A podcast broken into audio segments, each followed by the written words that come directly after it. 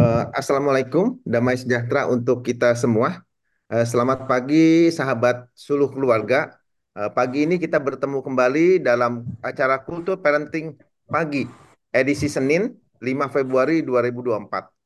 Bener-bener cepat, sekarang udah udah bulan satu bulan dan lewat lagi tahun 2024. Perasaan kemarin baru apa bakal mercon ya. Kultur Parenting bulan Februari bertemakan fokus pendidikan. Dan judul pada pagi hari ini eh, sangat menarik. Apa sih tujuan pendidikan sebenarnya? Ya, apakah tujuan pendidikan menjadi eh, menjadikan anak pintar atau menjadi kaya akhirnya anak kita, atau untuk dapat nilai bagus, atau untuk mendapatkan kerja yang bagus? Biar nanti kita ber- berdiskusi bersama dan narasumber pagi ini orang yang sangat luar biasa ya, yaitu Kak Lovely yang banyak berkecimpung di dunia pendidikan terutama pendidikan non formal. Nah, kalau Fli sendiri adalah sekjen dari Asapena atau homeschooling ya. Uh, silakan kalau Fli kita nggak mau nunggu lagi, kita nggak sabar nih pengen dengar uh, diskusi kita pada pagi ini. Silakan kalau Fli. Ya, selamat pagi teman-teman. Pagi Kak Irwan, buka kamera dong, khusus Kak Irwan ya. Eh, kita akan berdiskusi pagi ini. Kita diskusi saja ya tentang apa sih sebetulnya fokus utama pendidikan. Bukan menurut Lovely, bukan menurut siapa pun, tapi mari kita telaah apa yang sebetulnya sudah pemerintah canangkan di dalam tata aturannya sendiri. Ya, jadi ini bukan pendapat saya, bukan pendapat Teh Yanti. Ini Teh Yanti kebetulan tidak bisa hadir karena dia dalam perjalanan ke Jakarta. Oh, nanti saya nanti siang saya jemput dia ya. Jadi eh, saya akan coba tayangkan ya, sebentar, sebentar.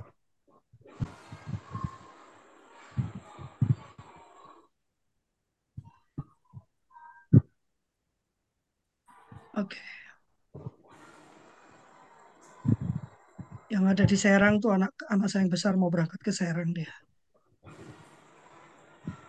Oke, kita perhatikan ya. Kita akan melihat apa sih sebenarnya tujuan pendidikan, apa sebenarnya menjadi tujuan pendidikan di Indonesia menurut tata aturan yang berlaku ya. Nggak pakai teori ini, teori, teori. Kita balik lagi ke tata aturan aja gitu ya. Nanti kemudian kita diskusi ya. Yang pertama, menurut Undang-Undang 1945 yang atas konstitusi kita ya, dikatakan bahwa sebetulnya uh, kemudian daripada itu ini preambul ya untuk membentuk suatu pemerintah negara Indonesia yang melindungi segenap bangsa Indonesia dan seluruh tumpah darah Indonesia dan untuk memajukan kesejahteraan umum ini yang ketiga ya mencerdaskan kehidupan bangsa dan ikut melaksanakan ketertiban dunia yang berdasarkan kemerdekaan, perdamaian abadi dan keadilan sosial ya. Lalu di dalam pasalnya terkait pendidikan dikatakan bahwa pemerintah itu memajukan kebudayaan nasional. Jadi yang pertama dikatakan bahwa Indonesia sendiri dibentuk untuk mencerdaskan kehidupan bangsa, mencerdaskan ya, bukan menyediakan pekerja-pekerja ya yang siap pakai ya. Bukan itu tapi mencerdaskan kehidupan kita dalam berbangsa dan bernegara. Supaya apa? Supaya kita bisa ikut melaksanakan ketertiban dunia.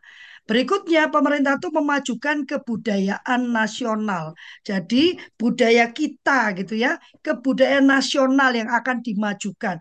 Bukan budaya Taiwan, bukan budaya Arab, bukan budaya mana pun, budaya nasional ya. Lalu kita turun ke Undang-Undang Sistem Pendidikan Nasional. Kita punya Undang-Undang Sistem Pendidikan Nasional yang menjadi acuan kita waktu kita melakukan segala usaha pendidikan. Pasal 1 ayat 1 ini adalah definisi yang menurut saya sangat perlu dipegang dan diperhatikan ya. Pendidikan itu usaha sadar dan terencana. Pendidikan itu usaha sadar dan terencana untuk apa? Mewujudkan suasana belajar dan proses pembelajaran. Jadi yang diwujudkan oleh pelaku pendidikan itu bukan kepintarannya, tapi suasana belajarnya dan proses pembelajarannya. Agar apa? Agar peserta didik secara aktif. Ini aja definisi sudah jelas ya. Bapak Ibu itu tidak bisa satu arah. Karena yang harus diciptakan itu suasana belajar dan proses pembelajaran yang membuat peserta didik kita itu mau aktif. Nah, mengembangkan potensi dirinya. Apa yang perlu dimiliki? Satu, kekuatan spiritual keagamaan. Dua, pengendalian diri. Tiga, kepribadian. Empat, kecerdasan. Lima, akhlak mulia. Lalu keterampilan yang diperlukan dirinya, masyarakat, bangsa, dan negaranya. Kecerdasan itu salah satu dari enam tujuan anak belajar. Potensi dirinya yang perlu dikembangkan itu ada enam. Jadi kalau hari-hari ini masih bicara tentang kecerdasan, kecerdasan, dan kecerdasan, atau cuma bicara tentang keterampilan dan keterampilan dan keterampilan, atau cuma sibuk ngomongin spiritual keagamaan, spiritual keagamaan, undang-undang ini sudah mau diubah, sudah mau di, diperbarui. Telatnya lama banget itu. Ya, Pendidikan nasional apa sih fungsinya? Ini masih dalam Undang-Undang Sisdiknas ya. Fungsinya mengembangkan kemampuan dan membentuk watak serta peradaban bangsa yang bermartabat dalam rangka mencerdaskan kehidupan bangsa. Fungsi kita melakukan pendidikan itu adalah untuk mengembangkan kemampuan. Kalau namanya mengembangkan berarti premisnya kemampuan itu sudah ada. Benar nggak? Kalau namanya belum ada, itu adalah membuat, menciptakan kemampuan. Kalau mengembangkan, berarti tidak pernah ada di dalam benak pembuat undang-undang ini bahwa anak-anak kita atau siapa pun itu kemampuannya nol. Ya, karena kata-katanya kan dikembangkan dan membentuk watak membentuk watak serta peradaban bangsa. Bapak Ibu Saudara kita punya tugas yang sangat luar biasa. Lebih dari sekedar memastikan anak kita nilainya 100. Kita ini punya tugas sesuai fungsi pendidikan, yaitu untuk membentuk watak serta peradaban bangsa. Ya, peradaban bangsa yang bermartabat dalam rangka mencerdaskan kehidupan bangsa. Tujuannya apa? Agar berkembang potensi siswa didik. Yang namanya berkembang berarti potensi itu sudah ada. Artinya, undang-undang ini menyatakan bahwa semua anak, semua warga negara, bagaimanapun situasi dan kondisinya, bagaimanapun e, bentuknya ya, dia sudah punya potensi yang perlu dikembangkan. Ya, dan apa yang terjadi agar dia menjadi manusia yang beriman dan bertakwa kepada Tuhan Yang Maha Esa, berakhlak mulia, dia sehat, dia berilmu, dia cakap, dia kreatif, dia mandiri, dan menjadi warga negara yang demokratis serta bertanggung jawab. Ya, ini menurut Undang-Undang Sisdiknas. Turun lagi, SDG atau uh, Sustainable Development Goals yang harus kita capai di 2030 menyatakan pendidikan itu harus inklusif, berkualitas dulu nomor satu, inklusif dan merata serta meningkatkan kesempatan belajar sepanjang hayat untuk semua. Untuk semua. Dalam SDG itu sebetulnya disebutkan terutama untuk perempuan dan gratis dibiayai oleh negara. Lalu bagi sebagai Anda sebagai orang tua, sebagai pendidik, sebagai pengelola satuan pendidikan, sudahkah Anda berpusat pada tujuan-tujuan tersebut di atas? Mari berdiskusi. Udah, Kak? Bisa panjang-panjang. Singkat, padat. Luar biasa. Uh, silakan kakak-kakak uh, yang mau bertanya atau berpendapat uh, bisa langsung untuk untuk uh, buka uh, buka apa uh, di unmute aja gitu. Mungkin Kak Irwan udah buka. Oh, ini ada Kak Duita. Kak Duita udah buka cam itu. Sudah buka. Assalamualaikum. Selamat pagi Kakak-kakak semua, Kak Lovely, Kak Irwan dan semuanya. Warahmatullahi wabarakatuh.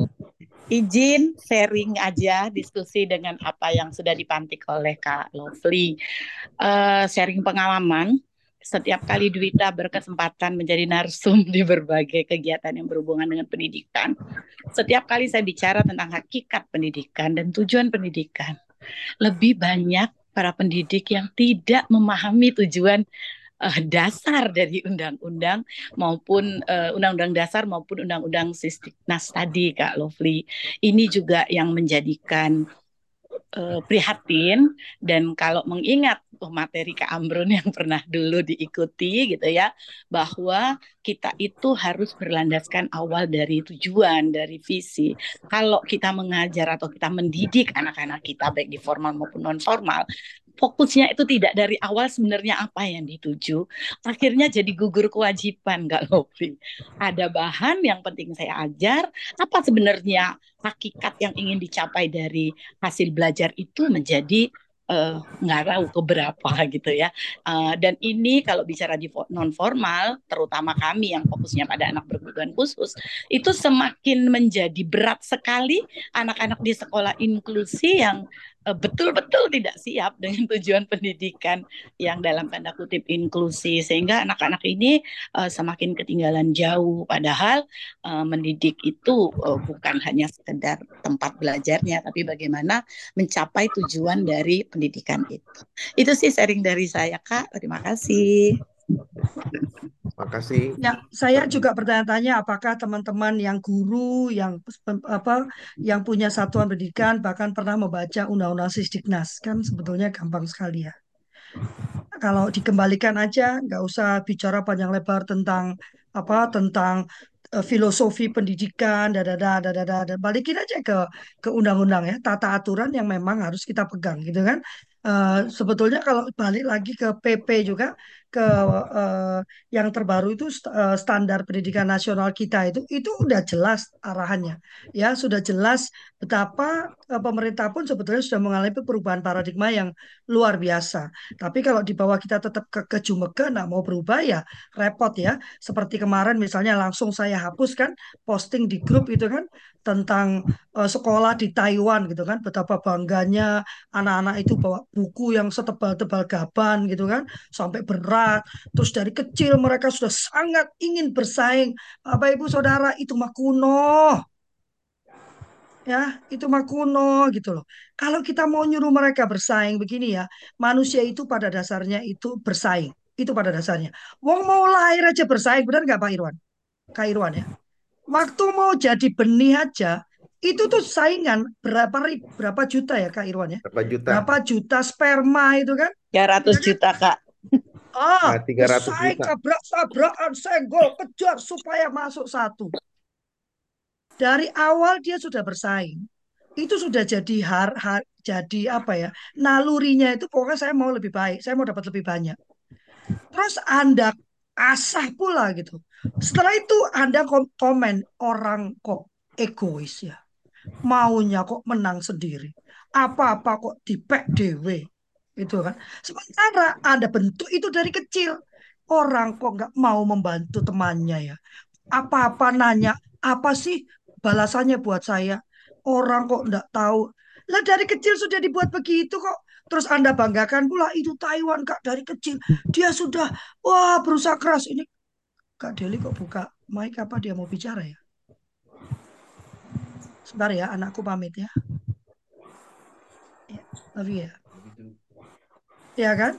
Yang perlu dilatih sebetulnya adalah kemampuan berempati, kemampuan berkolaborasi, kemampuan mengenali kekuatan diri, kekuatan orang lain, lalu kelemahan dan kekuatan itu dipadukan sehingga yang satu lemah, satu kuat saling menguatkan, yang kuat lagi menguatkan yang lemah. Betapa indahnya hidup kita ini kalau itu yang terjadi.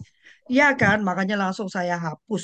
Udah gitu ditertawakan pula kurikulum kita. Wah, ingat ya, kita itu punya tujuan membentuk peradaban bangsa. Dan yang dikatakan Undang-Undang 1945 itu adalah melestarikan atau memajukan budaya nasional. So stop bicara tentang budaya-budaya. Wah, cepat itu luar biasa loh.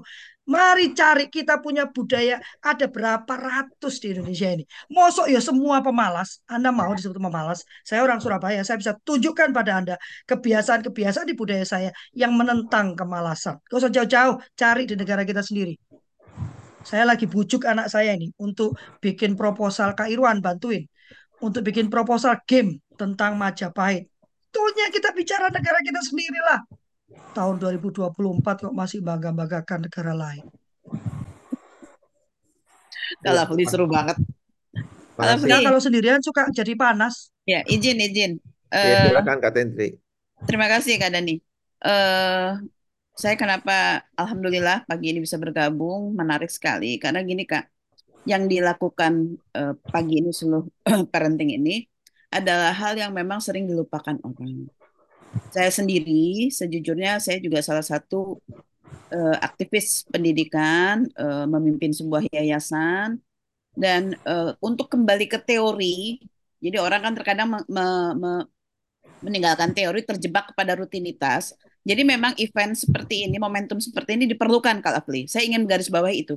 Mengembalikan kepada tujuan pendidikan, apa sih, kemudian bagaimana kita bangga dengan Indonesia, bangga dengan wilayah kita masing-masing. Saya bangga dengan Jawa Baratnya, saya bangga dengan Jogjanya, dua kota asal orang tua saya, seperti Kak Lafli bangga dengan Jawa Timurnya. Saya lahir di Mojokerto Kak Lafli, jadi darah Jawa Timur juga turun. Nah, artinya saya support banget untuk seperti ini. Mungkin memang memerlukan eh, apa Kak Irwan ya istilahnya memerlukan jejaring yang memang semangat ini dibangun di berbagai penjuru Republik ini gitu loh. Bahwa nggak usah jauh-jauh ke mana-mana, balik, balik, ayo balik, ayo balik. Sementara itu. Luar biasa. Makasih Kak Tentri. Eh, kalau Fli mau menanggapi, buka. Ini ada Kak Eli ada buka ada ini juga Ini ada silakan. Kak Eli. Ya siap, Eh, kami Silakan Eli. cuma sharing aja. Eh, kami kebetulan dari salah satu juga guru di Kabupaten Banten Sulawesi Selatan eh, melihat fenomena yang saat ini guru-guru itu kalau kita eh, merujuk kepada tujuan pendidikan itu sendiri, bagaimana mencerdaskan anak bangsa bla bla bla ke belakangnya sampai ke ini. Eh, sementara saya lihat sekarang guru-guru diribetkan dengan beberapa eh, apa namanya aplikasi di PMM platform Merdeka Mengajar. SKP-nya sudah terintegrasi dengan terintegrasi dengan PMM. Sehingga bagaimana membentuk anak itu sendiri mencerdaskan anak anak bangsa di kelas-kelas sementara guru semua guru tersita waktunya hanya mengerjakan semua aplikasi di PMM. Izin, terima kasih. Ya, setuju. Itu kemarin ditulis oleh Kak Doni Kusuma ya. Dia penulis Semua itu di. Kompas. Anak-anak terbengkalai. Bagaimana anak-anak sudah nakal ditinggalkan gurunya karena ada sesi waktunya tersendiri mengerjakan di aplikasi itu Bu. Izin. Ah, Iya, iya. Itu kemarin makanya itu kemarin diulas oleh Pak Kak Doni Kusuma ya. Eh, di apa Kalau di tidak di diselesaikan, terancang kita punya sertifikasi, bagaimana ini cara ceritanya ini Kemendikbud, Bu? Terima kasih. Padahal sebelum-sebelumnya kita enak. Guru hanya menyelesaikan administrasi perangkat pembelajarannya mulai dari RPP, mulai dari program semester, program tahunan. Sementara sekarang ada lagi aplikasi, bla bla bla, sampai di masuk diintegrasikan dengan PMM. Apalagi kita yang ada di desa yang tidak ada signal, Bu, sehingga kita live begitu, ada webinar dan lain-lain. Terima kasih. Betul, betul. Gini ya. Teknologi itu ada untuk memudahkan. Ini konsep teknologi. Ya kan? Bukan untuk biar kelihatan keren. Betul. Ya Kak Dani ya. Benar nggak Kak Dani? setuju. Kita tuh kenapa saya nggak menantang AI gitu kan? Loh, AI itu membantu kok gitu kan. Bukan biar keren. Masalahnya Ibu ya, jangankan Ibu ngomong soal itu. Ini kan masalah gini. Premisnya itu dia mau mempermudah tugas guru. Premisnya mempermudah tugas guru. Kan semuanya satu aplikasi. Guru nggak perlu ngetik, kirim gitu. Maunya begitu. Sayangnya paradigma berpikirnya belum berubah gitu kan. Dia masih belum percaya. Kalau guru bilang ini harus ada buktinya, harus ada bukti, bukti, bukti, Siap. bukti, bukti. Ya kan? Nah, ini makanya ayo ya. Ini dua arah. Sama dengan Bapak Ibu ngajar ya. Guru itu harus percaya dengan kemampuan siswa. Percaya. Kalau tapi dia kelihatannya goblok Ibu, eh percaya bahwa dia punya potensi kepandaian. Kan tadi dibilang mengembangkan potensi, bukan mencari potensi loh. Berarti undang undang itu sendiri pun sudah mengakui bahwa tiap anak punya potensi. Nggak ada anak bodoh, nggak ada anak nakal. Nanti Kak Ahmad Sofyan ini boleh nanti bicara nanti ya. Nggak ada anak bodoh, nggak ada anak nakal. Itu dulu satu. Sehingga waktu ngajar, Anda nggak ngajar dengan ketakutan. Waduh, kalau saya nggak ngomong ini, kalau saya nggak awasi dia, nanti dia ini, ini, ini, ini, ini. Itu be- begitu ya. Sama dengan pemerintah seharusnya. Waktu pemerintah mencanangkan merdeka belajar, ya dengan dengan jargon memberikan kemerdekaan, keleluasaan gitu ya. pemerintah harus percaya bahwa guru itu mampu. Nah kalau pemerintah tetap nggak percaya, itu jadi jargon doang. Kurikulum merdeka, memerdekakan uh, pendidik. Mana? Hmm. Kurikulum merdeka, memerdekakan anak-anak. Mana? Malah kemarin ada yang bilang, enak ya kurikulum merdeka, terserah. Mau belajar terserah, mau ngajar terserah. Nah ini buktinya Bu Eli yang guru berkata pusing dia kok. Iya, sementara dia tidak melaksanakan tupoksinya 100% selaku guru. Uh, kita mau jadi guru profesional, sementara kita berhadapan dengan siswa di kelas. Anak-anak terbengkalai di kelas. Guru melaksanakan semua PMM. Harus disaksikan nah. dengan bukti nyatanya. Harus dengan harus ada sertifikat, harus ada begini. Baga kapan ada waktu untuk anak-anak kasihan? Jangan khawatir Bu, habis ini menterinya ganti. Nanti ganti aja. Ya, Bu. oh, maaf. Terlalu banyak. Bu. ya kan? Nggak apa kan habis ini kan ganti presiden ganti menteri biasanya ya. menteri yang baru juga punya semoga caranya kita semoga kita fokus ya, sisa guru bu bagaimana guru tidak terlalu pandai jangan IT. kalau saya jadi menteri bubar nanti iya bu eh siksa guru bubar eh, kultur, kulturnya bubar nanti saya ya ah amin negaranya bubar nanti malah tapi saya sepakat tuh. Jadi sebetulnya yang menjadi permasalahan itu bukan aplikasinya. Ide melakukan aplikasi itu bagus ya. Tinggal kita mendorong pemerintah untuk benar-benar mewujudkan jembatan uh, apa tuh Kak Irwan jembatan angkasanya itu. Itu kan dijanjikan sebetulnya oleh Presiden Jokowi jembatan angkasa itu kan artinya semua rakyat Indonesia itu punya akses internet yang cepat. Karena kemarin saya pernah ikut, saya pernah menerjemahkan untuk ini ya, untuk apa uh, satu konsultan manajemen ya. Salah satu uh, indikator keberhasilan bisnis dunia sekarang rupanya itu adalah akses internet makin tinggi akses internet di satu negara ternyata itu tingkat keberhasilan ekonominya itu meningkat itu. Dan menariknya akses internet tertinggi itu bukan di Amerika sebagai negara yang sangat maju atau di Jepang, tapi ada satu negara kecil saya lupa ya. Ini negara kecil, tapi akses internetnya itu luar biasa. Setiap orang punya, mungkin karena kecil ya, jadi nggak terlalu ini ya, tapi dia punya akses internet yang luar biasa. Sehingga pertumbuhan UMKM-nya di negara kecil itu itu luar biasa. Uh, jadi memang akses internet itu sekarang menjadi satu kebutuhan ya. Saya kalau pergi ke satu tempat nggak ada akses internetnya, mati gaya saya. Udah amat lah orang bilang, ayo kita matikan bersama, mati gaya saya gitu kan. Ya nggak apa-apa lah, memang sudah kebutuhannya begitu ya.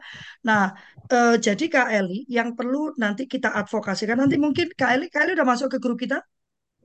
Belum Bu, izin. Silakan nanti akan Kak Deli akan bagikan uh, linknya. Silakan masuk ke WhatsApp group kita karena di bulan April kita akan menuliskan white paper terkait uh, apa usulan perbaikan Undang-Undang Sisdiknas. Nah, yang seperti ini, ini bisa kita bisa bisa kita masukkan gitu ya bahwa uh, bahwa tugas tupoksi utama guru itu apa, lalu beban administrasinya itu harusnya bagaimana gitu ya. Uh, dan sebaiknya memang uh, kalau saya sih paling paling sering menyoroti pengawas ya. Harusnya kalau pengawas itu bekerja dengan benar. Artinya dia mau menerima inovasi-inovasi dengan baik, maka pemerintah pusat itu harusnya nggak perlu terlalu sampai detail begitu gitu loh. Karena itu kan bahwa eh, pendidikan itu kan turun ya. Kalau yang pendidikan tinggi dan eh, atas itu kan di provinsi. Lalu pendidikan PAUD dan ke bawahnya itu kan kabupaten kota. Jadi sebetulnya kan kalau kabupaten kota itu berfungsi dengan benar, kepala dinas kepala dinas itu berfungsi dengan benar ya. Termasuk inovasi tadi ya. Kepala dinas itu kan lebih sibuk dari presiden. Saya mau ketemu kepala dinas saya aja ah bisa-bisa gitu kan yang dikerjakan apa saya juga nggak paham gitu kan. Tapi kan juga yang berikutnya itu kan apakah dia benar-benar mengerti perubahan yang di pusat itu mengerti nggak? Saya ini ke pusat tinggal geser pantat sedikit itu aja jauh ya kan? Apalagi yang jauh di sana gitu kan. Nah ini harusnya kan kita memang sudah berundak gitu kan. Kalau perundakan ini dilakukan dengan benar, amanlah negara kita. Masalah perundakan kita ini kan belum belum benar gitu kan. Yang atas sampai ke mana, jangankan yang bawah gitu yang melakukan, yang tengah aja nggak ngerti atau tidak mau berubah karena tuh ini Kak Tetri ini akses internet Indonesia itu 96 dari 143 negara di dunia loh. Ya kan masih jauh gitu kan. Yang nomor satu siapa Kak? Akses internet pertama siapa Kak? Ya kan masih jauh banget gitu loh. Orang bilang kalau Fli nggak pengen tinggal di desa loh saya mau tinggal di desa asal internetnya kenceng Ya kan? Nah, ya gitu ya nanti. Oh, Arab ya. Oh, menarik ya. Justru Uni Eropa, Uni Emirat Arab nomor satu. Ya kan? Kita sibuk ngomong Arab nonton ya. ini. Itu tidak sesuai dengan agama gitu. Yang Arab malah nomor satu. Ya kan? Kita nih kadang-kadang suka ini loh, lebay kita nih. Kalau pada kayak gitu Uni lebay, Emirat tapi untuk kebaikan nggak ada yang mau lebay ya. Apalagi sama anak ya. Tahan harga semua. Ah, Ya, nanti masuk ke grup Kak, lalu sam- eh, lalu eh, kalau Japri juga ke saya, nanti biar kita masukkan ke dalam white papernya, ya. Ada lagi Kak Irwan? Eh, kok aku Ini Kak Irwan nih kayaknya udah dari tadi nih. udah buka habis olahraga seger kayaknya mukanya Kak Irwan. Iya, deh. Udah panas dia kan habis dong, merah lagi merah. Oh Oh iya, merah, bukan semangat. kampanye kan? Nggak, yang pertama ini Kak Gafri apa eh, ngajak ya. Saya juga eh, ma- mantan praktisi yang insya Allah eh, akhir bulan ini juga sudah ngajar lagi gitu ya. Jadi saya tidak mau mempertentangkan antara teori dan praktek gitu. Itu saling melengkapi gitu kan. Artinya apa itu teori? Teori itu mulai dari hipotesa menjadi dalil, diuji di teorema, jadi teori gitu. Pada saat ada ada hal yang berbeda ya ada antite ada antitesis kan menjadi teori lagi gitu kan ada teori baru. Jadi kita nggak usah mempertahankan ah, nggak usah teori-teorian yang penting praktek. Dua-duanya penting gitu ya. Buat apa ada uh, teori itu dan dari mana datang teori itu? Itu yang pertama. Yang kedua tadi udah dibicarakan juga ya. Jadi uh, hidup uh, hidup ini ya berkompetisi ya. Kayak Sun Tzu bilang kan kenali dirimu, kenali musuhmu, kenali medan perangmu. Seribu kali kau perang, seribu kali kau menang gitu ya. Dan ada juga kan suatu suatu uh, kata bijak uh, ataupun uh, apa ya? Kalau, tadi dia sebagai kompetitor, tapi juga manusia itu dilahirkan sebagai pemenang, manusia itu dilahirkan sebagai pemimpin gitu loh. Nah, konteksnya ini kan kayak tadi, apa pun yang kita lakukan dalam pendidikan menuju suatu ending gitu, suatu akhir. Apa itu pemimpin gitu kan? Ya, saya kan nonton uh, nonton debat-debat presiden itu bagi saya bukan bukan pertentangannya, tapi ada ilmu-ilmu yang bisa saya serap. Ya, contoh, saya jadi buka-buka masalah kepemimpinan ya. Uh, inti dasar kepemimpinan sebetulnya uh, tiga gitu. Yang pertama itu uh, lead bisnis. Jadi setiap pemimpin itu harus bisa ngelit uh, sesuai dengan tupoksinya mencapai tupoksinya itu secara efektif dan efisien. Jadi lead uh, for business gitu. Yang kedua ya namanya pemimpin kan mesti ada yang dipimpin. Jadi dia harus uh, lead the people gitu. Bagaimana dia? Dia bisa melit people ya. Jadi yang dikatakan tadi ada interaksi dua arah segala macam itu uh, itu bagian daripada nge-lead people. Karena manusia itu kan bukan bukan ya kita juga mungkin salah ya. Manusia itu kita katakan sebagai SDM. SDM. Jadi dia sebagai subjek bukan sebagai objek kan ada sumber daya alam, ada sumber daya yang lain, ini kan jadi objek yang harus direkayasa. Tapi manusia adalah manusia yang eh, sesuatu yang diberdayakan gitu. Nah, yang ketiga, be a model. Nah, dia harus menjadi teladan, dia harus menjadi model. Nah, oke, okay, itu yang menjadi endingnya. Sekarang bagaimana kata tadi yang yang undang-undang uh, pendidikan uh, karena banyak ya terlampau broad gitu ya. Uh, saya masih belajar banyak dari Kak Gafri ini gitu kan. Uh, tapi pengalaman saya uh, di Dewan Ketahanan Nasional mengkritisi di kita ini juga aneh-aneh uh, sedap atau aneh-aneh nggak sedap gitu ya. Seringkali undang-undang uh, itu udah bagus gitu. Ya undang-undang dasar udah bagus diturunkan jadi undang-undang tuh uh, konflik berbeda dengan undang-undangnya. Turun lagi dari uh, ini PP beda lagi gitu loh. Bahkan kadang-kadang ada uh, cucunya udah lahir duluan sebagai undang-undangnya gitu. Jadi tiba-tiba ada peraturan ini dasar hukumnya mana? Nah ini juga harus kita kritisi gitu kan. Uh, setelah itu terkait dengan kemudahan-kemudahan, saya dengar juga Dirjen uh, Kesehatan itu dari Kemenkes kan dia juga perempuan, seorang perempuan itu dia Uh, bilang gitu, oke, okay, memang kita harus membangun manusia-manusia Indonesia yang berdaya ini, yang berpotensi ini, dan mereka menyediakan pendidikan-pendidikan gitu ya. Ya artinya otomatis harus diseleksi karena hidup ini kan berkompetisi gitu. Yang terakhir network tadi kata Tris ya memang benar, artinya uh, ada skenario bagaimana sebetulnya kita uh, memaknai, memaknai suatu kejadian-kejadian tertentu gitu kan. Uh, ahli hikmah itu bagus gitu ya kayak sekarang kan sebetulnya ada skenario besar ya Kayak kemarin saya ketemu ya Kak Gafu ya sama ambasador senior saya orang psikologi tiga tahun di atas saya.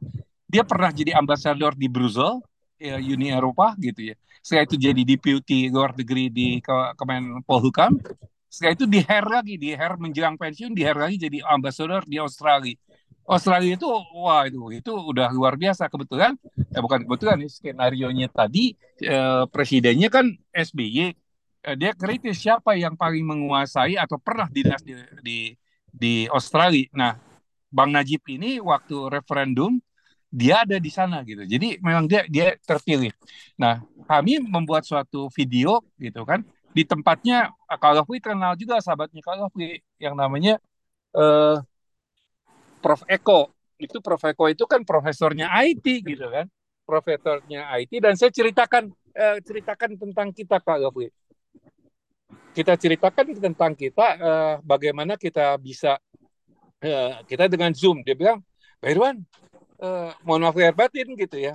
Eh, itu nggak akan nggak akan terlampau gimana gitu ya karena orang eh, kalau kita pun masuk di YouTube gitu dia kan kecil-kecil saja tapi lebih bagus konten-konten yang siap ini Kak Gafri ngomong gitu ya.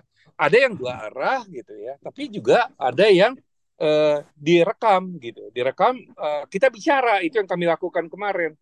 Nah ini mau kita masukin TikTok, kita masukin apa itu lebih. Mungkin kita kan sering nonton video-video singkat itu kan.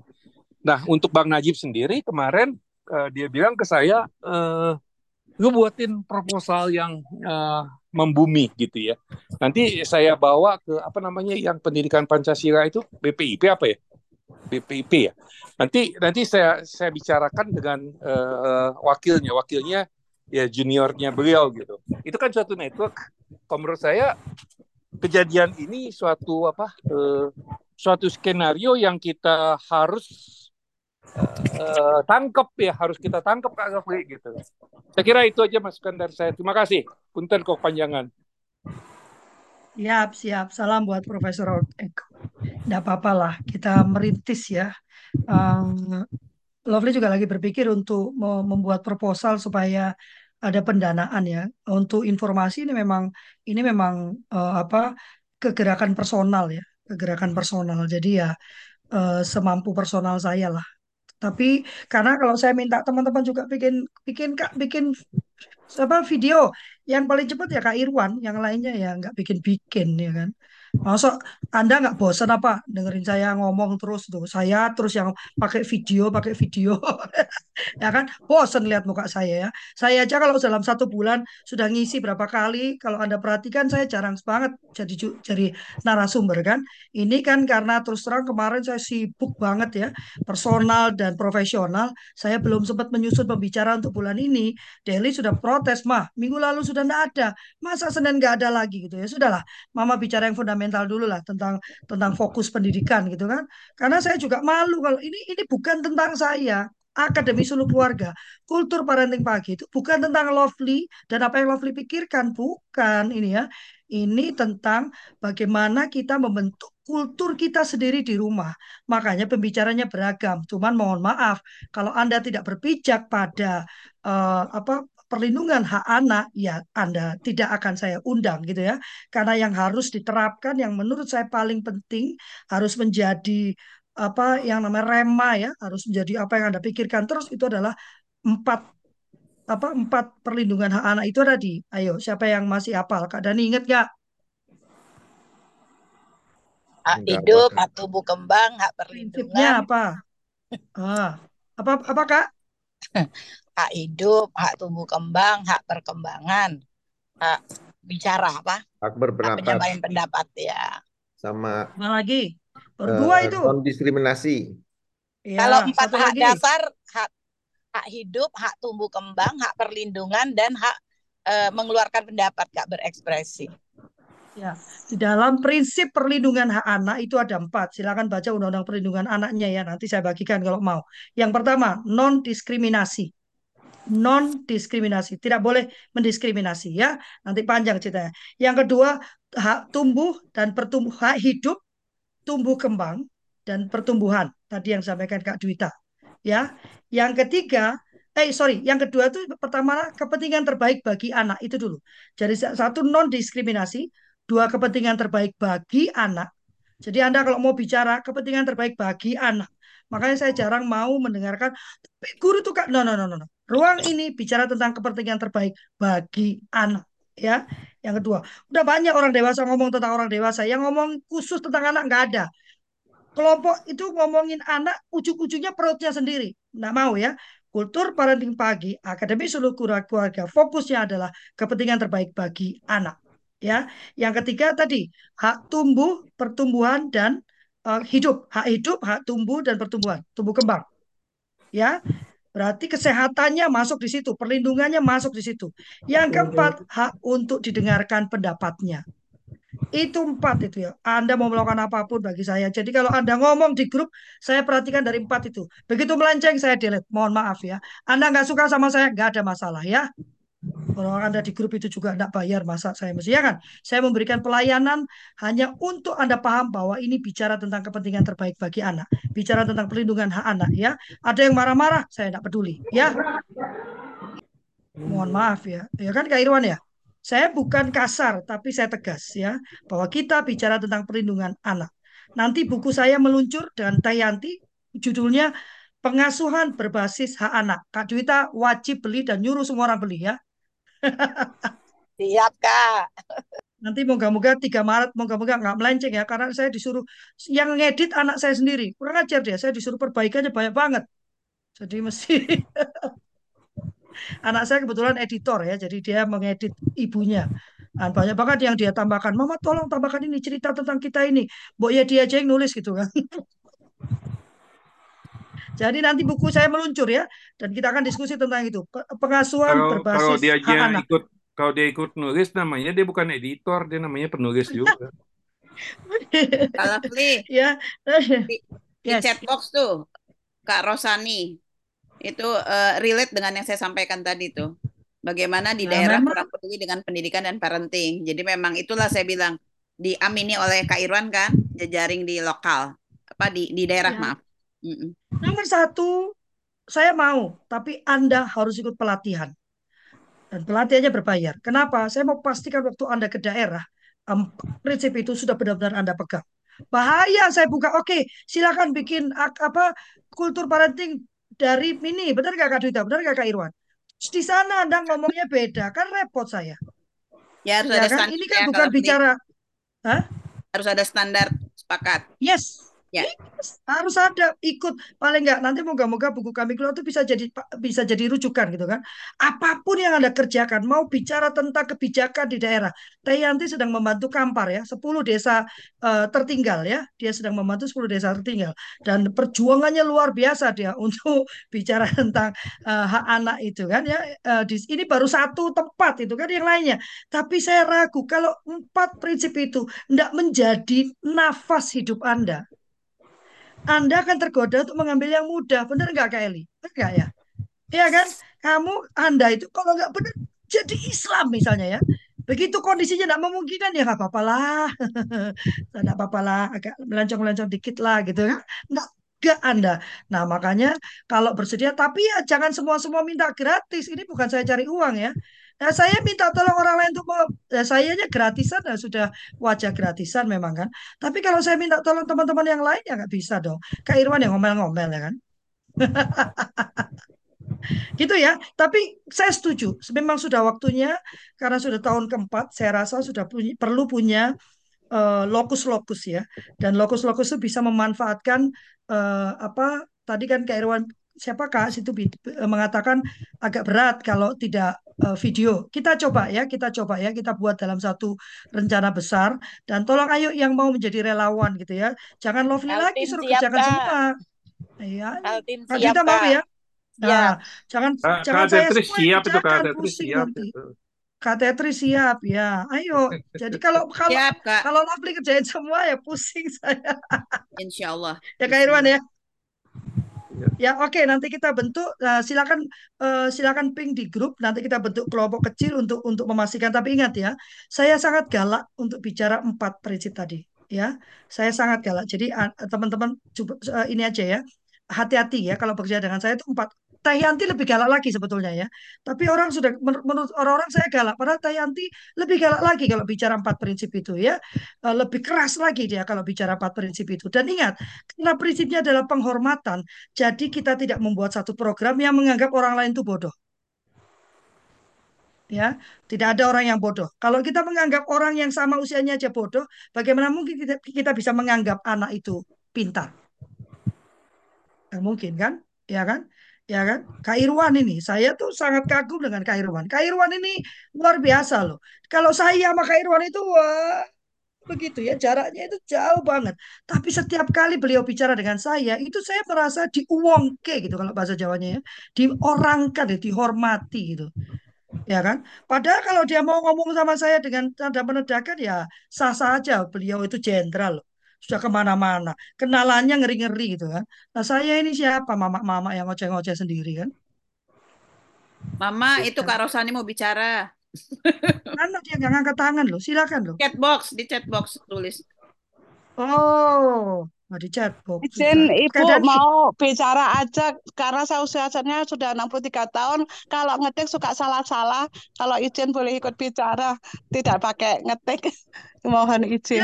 Silakan Kak Rosani. Oh ini Terima Kak Rosani yang mau ketemu saya besok ya? Eh, Iya, ya besok kan? iya Bu, Oh iya, Bu Lovely. Saya iya, iya. eh, kebelet sekali ingin segera ngobrol dengan Ibu. Mumpung ada waktu sekarang, sedikit aja yang saya sampaikan. Boleh ya Silakan, Bu? silakan. Mohon izin. Di sini kita mau panggil kakak kak, nggak ibu. Oh Biar iya, cepat awet muda gitu. oh iya, iya sama-sama kita panggil kakak ya, meskipun kita sudah tua. Eh, perkenalkan saya pensiunan guru SMA 15 Bandung, suami saya TNI AU. Kami orang kota yang sudah bosan tinggal di kota, terus kita pindah ke desa, mempelajari keadaan desa yang seperti ini.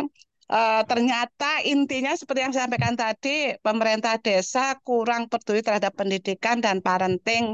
Terbukti dari banyak masyarakat yang masih eh, tidak mementingkan pendidikan dianggap pendidikan itu tidak penting, akhirnya pola asuh orang tua salah, mungkin karena kultur, mungkin karena faktor geografis yang menentukan daerah dingin, sejuk, sehingga orang males bangun tidur, enaknya makan, itu bisa juga mempengaruhi faktor itu, juga kultur makan nggak makan asal ngumpul, itu bisa juga menjadi faktor itu, akhirnya para perempuannya ini, para wanitanya ini, karena mungkin kultur dan lain sebagainya, saya pelajari mereka memecahkan solusi kalau kegagalan rumah tangga itu bisanya kawin lagi. Kalau kemudian gagal lagi, titip anak ke ibunya, kawin lagi. Itu intinya. Nah, ini pemerintah desa saya pelajari sama saya mendirikan sekolah mulai tahun 2012. Kami mohon untuk peduli pada pendidikan, kelihatannya kurang peduli sih karena kepala desanya juga nggak sekolah, untuk menjadi pejabat itu mungkin dari sekolah non formal yang mungkin hanya dapat ijazah gitu aja. Ini saya pelajari Bu karena kalau kepala desanya pinter cerdas untuk empat nah saya berusaha empat pengembangan itu saya lakukan Ibu. Saya lakukan kenapa saya buka pendidikan bina bangsa berkarakter karena saya pelajari dari pola asuh orang tua saya ini saya berusaha untuk membentuk karakter anak. Membentuk karakter anak dengan etika dulu. Suami saya memberikan pelajaran etika budi pekerti Kemudian yang lain untuk tumbuh kembangnya diberi ilmu kehidupan bagaimana orang itu untuk bisa berhasil harus bekerja keras, tidak bisa hanya tidur-tidur saja. Itu intinya itu, Bu.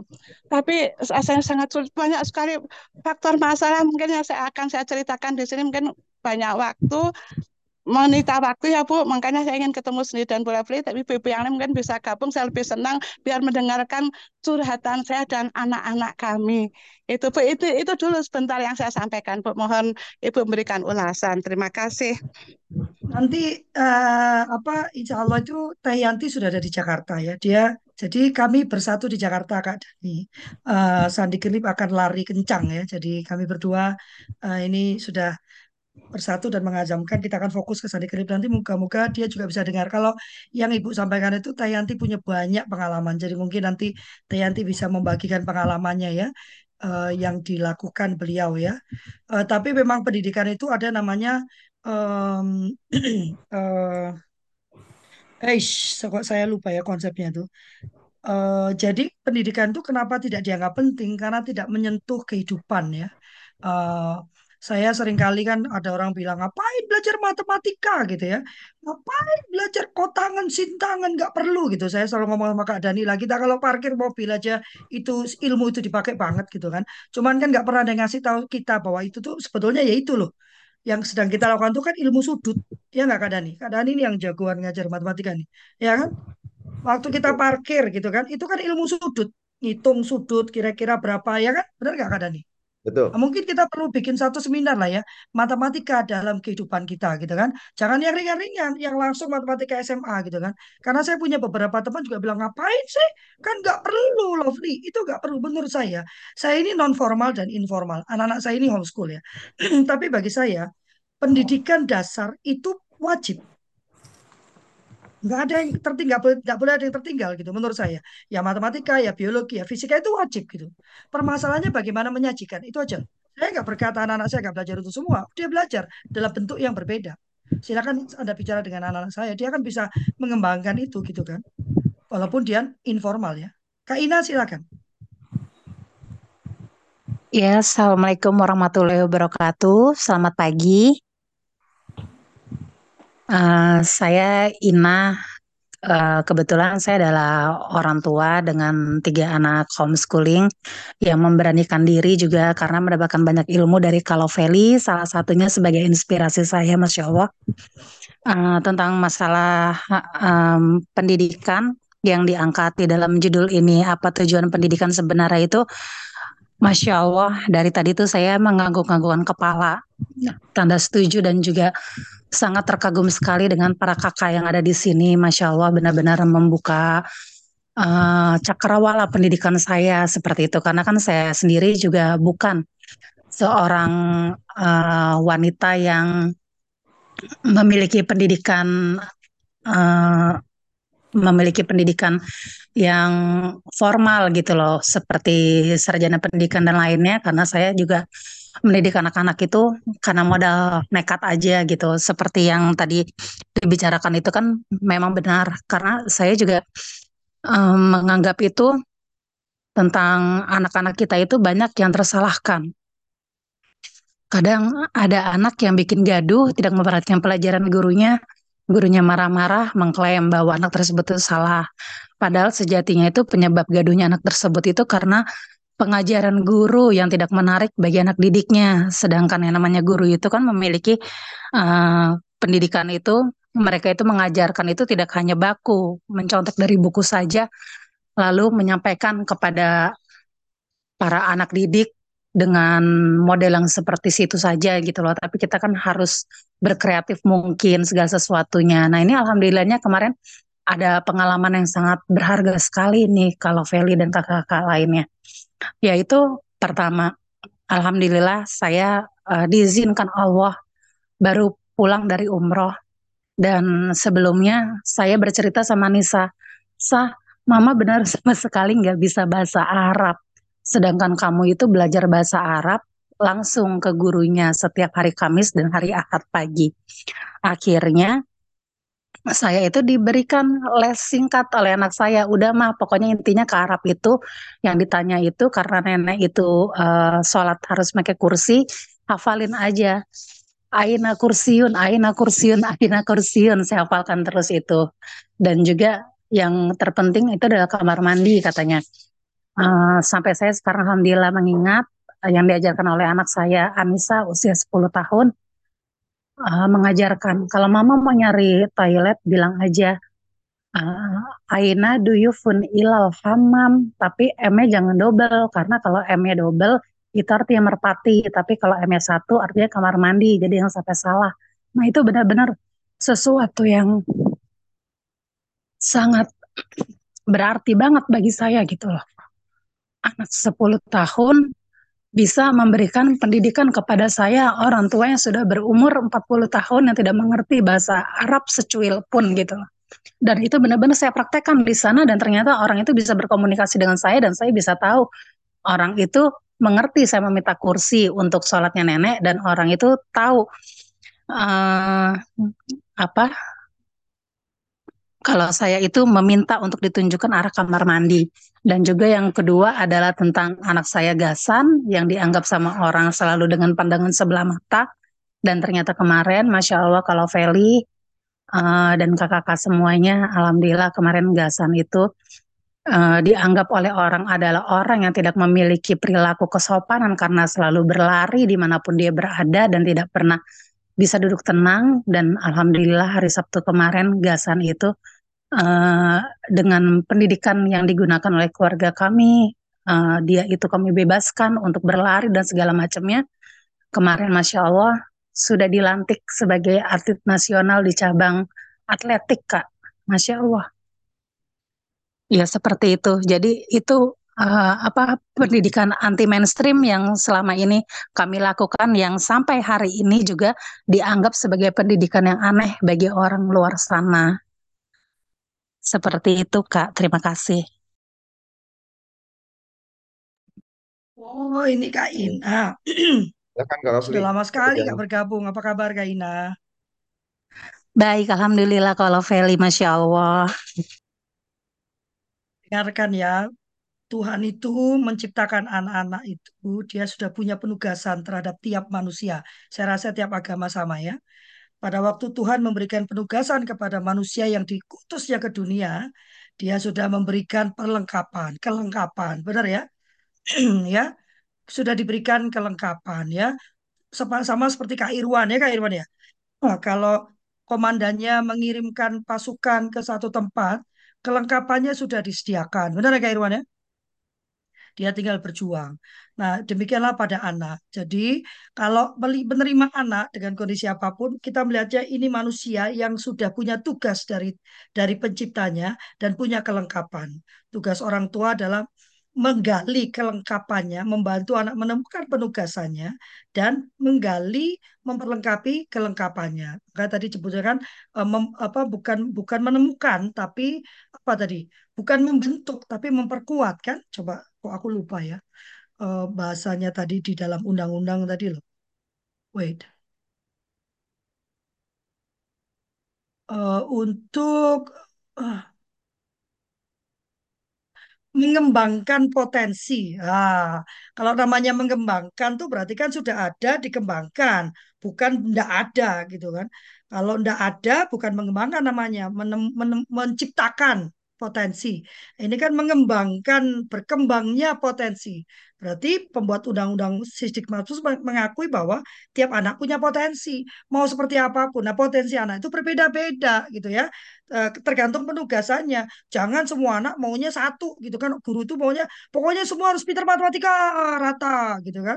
Memahami matematika yes jago matematika? Ya no no juga gitu kan. Tapi memahami matematika yes karena itu ilmu dasar. Benar nggak Kak Dani? Kak Dani ayo dong bantu aku aku lagi promosi matematika nih. Mana sih? Ya kan? Kan saya paling paling sebel kalau ada orang bilang lebih baik mengajarkan anak apa tuh Kak Dani? Mengantri daripada mengajarkan anak matematika. Itu jawaban orang yang nggak paham gitu kan kalau orang itu paham matematika, benar nggak Kak Dani? Kalau dia paham benar matematika, dia jadi orang yang teratur. Betul. Benar nggak Kak Dani? Ayo dong, aku udah panas nih. ayo Pak Dani, ayo. Ayo, ayo, ayo. itu ya kan? Kalau orang itu, itu benar-benar juga semangat tuh. Iya, kalau memahami konsep konsep dasar matematika sebetulnya konsep matematika bukan konsep. Kalau dibilang konsep dasar nanti diambangnya cuma untuk kelas 1 sampai kelas kelas 6 ya kan Daniel bicara ke dasar. Menurut saya sampai SMA pun itu sebenarnya konsep dasar, belum ke mana-mana gitu kan. Iya kan. Kalau paham konsep dasar matematika, dia jadi orang yang teratur, dia nggak suka uh, apa uh, terabak-terabak nggak suka karena semuanya harus bisa dihitung, semuanya harus dipahami alurnya, harus dipahami strukturnya gitu kan. Nah, makanya saya ini jadi orang kan pusing terus karena saya nggak paham strukturnya orang-orang ini kan. Sudah jam 8 lebih 6, Pak. Saya akan tangkap ya. Uh, silakan uh, kita bentuk dan mungkin uh, apa matematika dalam kehidupan kita tuh kita bikin offline juga aja ya Kak Dani ya. Menarik gitu ya. Ya. Kami kita udah punya tempat kan, silakan dimanfaatkan. Ya. Oke, uh, terima kasih untuk semuanya Kak Lovely dan kakak-kakak semua. Uh, sebelum ini uh, sebelum kita ini coba di di on dulu kameranya. Kita mau foto dulu bersama pada pagi hari ini. Ya ada sekitar hampir eh, 40 eh, peserta. Jadi kita akan foto kasih hatinya. Kalau Fli silakan eh, closing statementnya.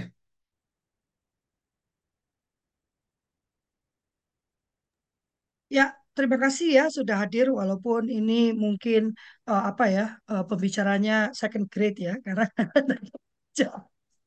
ya. Eh, tapi yang mau saya ingatkan, mari kita nomor satu merujuk pada tata aturan yang sudah disediakan pemerintah untuk memandu kita. Rujukan pada tata aturan itu nomor satu membuat kita paham apa yang harusnya kita kerjakan. Tapi yang kedua juga menjadi perlindung bagi kita ya.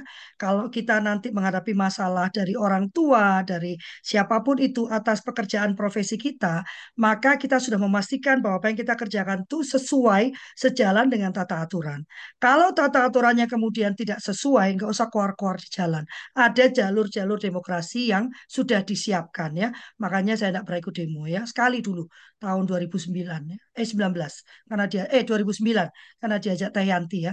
Tapi ada jalur-jalur yang bisa kita pergunakan untuk mengubah tata aturan tersebut. Ya, itu sebabnya kami rajin membuat uh, apa uh, apa tuh Kak namanya Kak?